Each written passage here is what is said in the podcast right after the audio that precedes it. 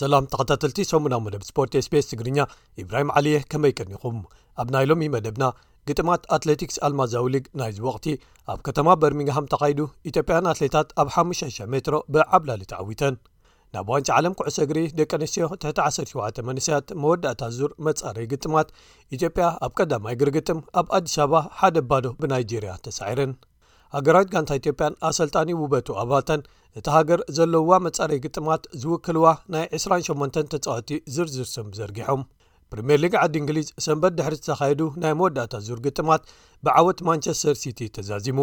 ኤርትራውያን ናትናኤል ተስፋጽዮንን መርሃዊ ቅዱስን ንኡድ ተሳትፎዎም ኣብ ጅሮዲ ኢታልያ ኣብ ዝቐጸልሉ ቢንያም ግርማይ ግን ቦኽሪ ንኤርትራውያንን ኣፍሪቃውያንን ተቐዳድምቲ ዝኾነ መድረኻዊ ዓወት ድሕሪ ምዝጋቡ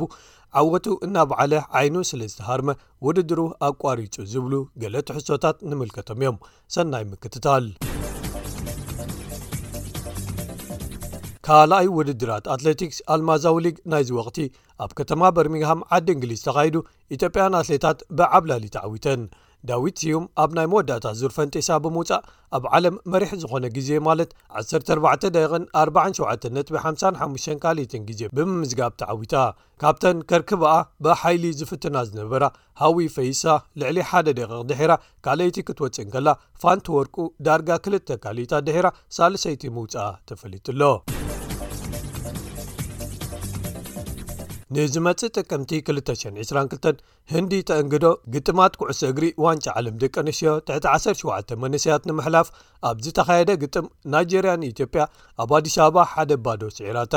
ኣብቲ ዓርቢ ኣብ ስታድየም ኣበበ ብቂላ ዝተኻየደ ቀዳማይ እግሪ ናይቲ ራብዓይን ናይ መወዳእታን መጻረይ ግጥም ናይጀርያ ኣብ መበል 36 ደቂ ብመንገዲ ኦፖየሚ ኣጃካይ ኣቢላ ነታ እንኮን ዘዐወተታን ሽቶ ኣመዝጊባታ እታ ኣቐዲሙ ኣብ ዝነበረ ዙርያ ንደቡብ ኣፍሪቃ ዝገለፈት ኢትዮጵያ ኣብዚ ግጥም ሓያል ጻዕሪ እንተካየደት እኳ ንመዘነኣን ናይጀርያውያን ግን ክዳረገአን ኣይከኣላን እተን ፍላሚንጎስ ዝብል ቅጽል ስም ዘለዎን ናይጀርያውያን ኣብዞም ክሳብ ሕጂ ዝተኻየዱ ሓሙሽተ መጻረይ ግጥማት 15 ሽቶታት ኣመዝጊበን ሽቶ ከይተመዝገበን ይግስግስ ኣለዋ ንሰን ኣቐዲመን ኣብ ዝሓለፉ ዙርያታት ንዲሞክራቲክ ሪፓብሊክ ኮንጎን ምስርንየን ገሊፈን ኣብዚ በጺሐን ዘለዋ ናይ መልሲ ካልኣይ ዙርያ ግጥም ኣብ ስታድየም ሞሹድ ኣብዮላ ኣብ ከተማ ኣቡጃ ኮይኑ ዝመፅ ዕለት 4ተ ሰነ ክካየድ ምዃኑ ክፍለጥ ተካይሉ ኣሎ ብካልእ ወገን ሃገራዊት ጋንታ ኢትዮጵያን ኣሰልጣኒ ውበቱ ኣባተን እቲ ሃገር ንዘለዋ መፃረይ ግጥማት ወኪሎማ ዝፃወቱ ናይ 28 ተፃዋቲ ዝርዝር ስም ዘርጊሖም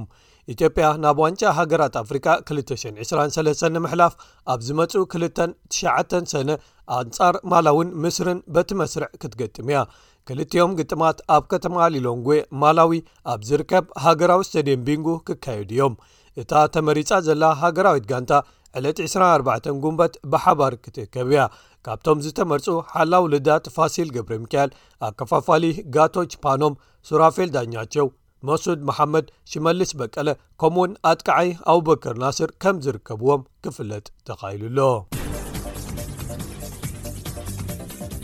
ብኻልእ ወገን ፕሪምየር ሊግ ዓዲ እንግሊዝ ሰንበት ድሕሪ ዝተኻየዱ ናይ መወዳእታ ዙር ግጥማት ብዓወት ማንቸስተር ሲቲ ተዛዚሙ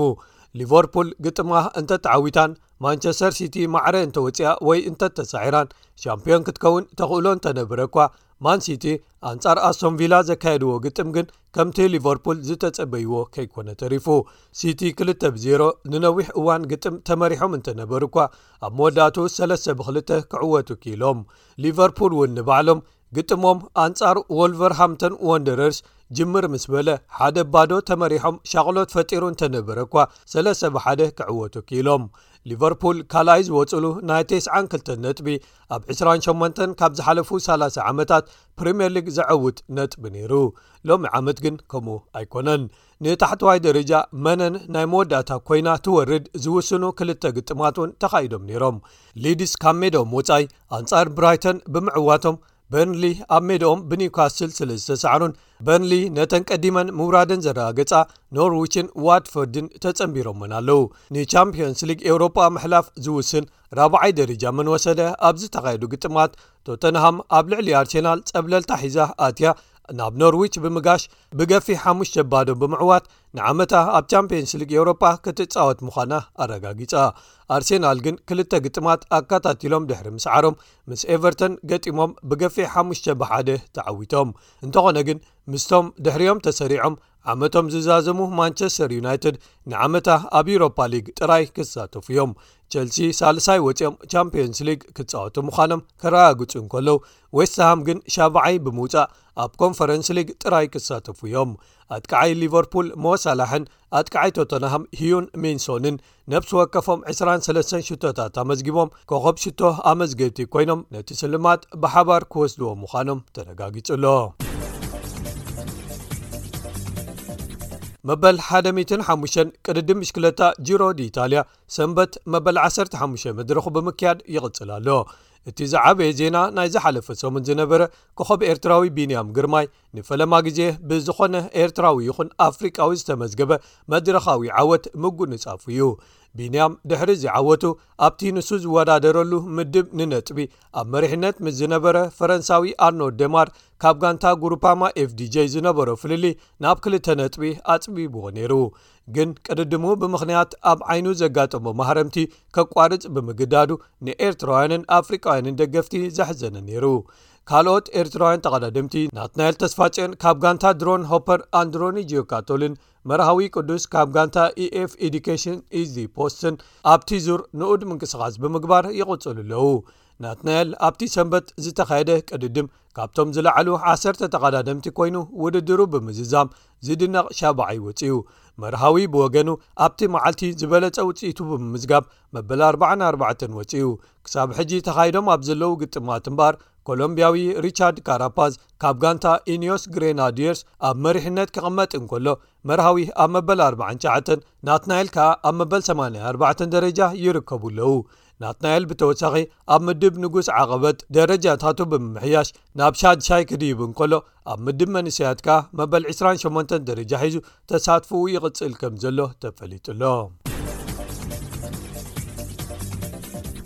እዚ ከምዚ ኢሉ እንከሎ ኣብቲ ብመንፅር ኤርትራውያንን ኣፍሪቃውያንን ኣብ ቀርቲ ስፖርት ነዊሕ ትፅቢት ተገይርሉ ዝነበረ ኤርትራዊ ኮኸቢንያም ግርማይ እቲ ኣብ ጅሮድ ኢታልያ ከመዝግቡ ዓሊሙ ዝነበረ መድረኻዊ ዓወት ድሕሪ ምምዝጋቡ ኣብ ፖድም ተሰቒሉ ሓጎሱ ኣብ ዘብዕለሉ ዝነበረ ግዜ ዓይኑ ተሃሪሙ ካብ ውድድር ከቋርፅ ተገዲዱ ቢንያም ቦኽሪ መድረኻዊ ዓወት ጸሊም ኣፍሪቃውን ኤርትራውን ድሕሪ ምምዝጋቡ ኣብ ግዜ ፍጻመ ውድድር ዓወቱ ክጽምብል ኣብ መድረኽ ሻምፓኝ ክኸፍት ኣብ ዝፈትነሉ መኽደኒ ጥርሙስ ኮርክ ብሓይሊ ነጢራ ጸጋመይቲ ዓይኑ ስለ ዝሃረመቶ ክጉዳእ ክኢሉ ድሕሪኡ ብቕልጡፍ ቢንያም ናብ ሆስፒታል ተወሲዱ ኣብ ውሽጢ ዓይኑ መድመይቲ ከም ዝነበሮ ተረጋጊጹ ሓኪም ጋንቱ ካብ ዝኾነ ኣካላዊ ምንቅስቓስ ክቝጠብ ኣጥቢቑ ድሕሪ ምምካሩ ኸኣ ካብ ረቡዕ ንነጀው ኣብ ዝካየዱ ቅድድማት ጂሮ ከቋርጽ ተገይሩ ሓኪም ጋንታ ኢንተርማርሽ ወንት ጎቤ ድሕሪኡ ኣብ ዝሃቦ መግለጺ ዜና ማህረምቲ ዓይኒ ቢንያም ከምዚ ዝሑል ማይ ትሕጸብ ዘለኻ ዓይነት እዩ ከም ቢንያም ዝኣመሰለ ሓደ ወሳኒ ባእታ ብከምዚ ከቋርፅ ብርግፅ ዘሕዝን እዩ እንተኾነ ግን ምኽሪ'ቶም ጉጅለ ሓካይም ብጣዕሚ ንጹር እዩ፣ ጥዕና ቢንያም እቲ ቀዳምነት ንህቦ እዩ ክብል ገሊጹ። ቢንያም ብወገኑ ካብ ሆስፒታል ናብ ሆቴሉ ኣብ ዝተመልሰሉ ደቂ ጋንትኡ ብሓጎስ ተቐቢሎሞ። ብትዊተር ባዕሉ ኣብ ዝዘርግሖ ሓደ ናይ ቪድዮ መልእኽቲ'ውን ደቂ ጋንትኡ፣ ሰራሕተኛታቶምን ካልኦትን ነቲ ጽቡቕ ዘይስምዖ ዝነበረ ህሞት ናብ ሓጎስ ከምዝቐየርሉን ምስ ምኽፋት'ታ ሻምፓኝ ዘጋጠሞ ሕማቕ እንተተሰምዖ'ኳ ናብቲ ሆቴል ምስ ተመልሰ ግን ኣዝዩ ሓጎስ ከም ዝፈጠረሉ ብምግላጽ ምስጋንኡ ኣቕሪቡ። ፈለማ ኩሎም ሰጊኦም እንተ ነበሩ እኳ ደሓን ምዃነይ ምስ ኣረጋገጹ ኩላትና ተሓጒስና። ንዓይነይ ዕረፍቲ ክህባን ክትሓውን ክትሕይልን ስለ ዘለዋ ዕረፍቲ የድልየኒ'ዩ። ሕጂ ደሓን'የ ኣብ ቀረባ ግዜ ክንራኸብ ኢና ብምባል ከኣ ንደገፍቱን ፈተውቱን መልእኽቱ ኣመሓላሊፉ ከም ዘሎ ተፈሊጡሎ ክቡራት ሰማዕትና ናይ ሎሚ ትሕሶታት ሰሙናዊ መደብ ስፖርት ስቤስ ትግርኛ እዞም ዝሰማዕኩሞም ነይሮም ሶኒ ኣብ ተመሳሳሊ እዋን ብካልኦት ክሳብ እንራኽ እምባር ሰላም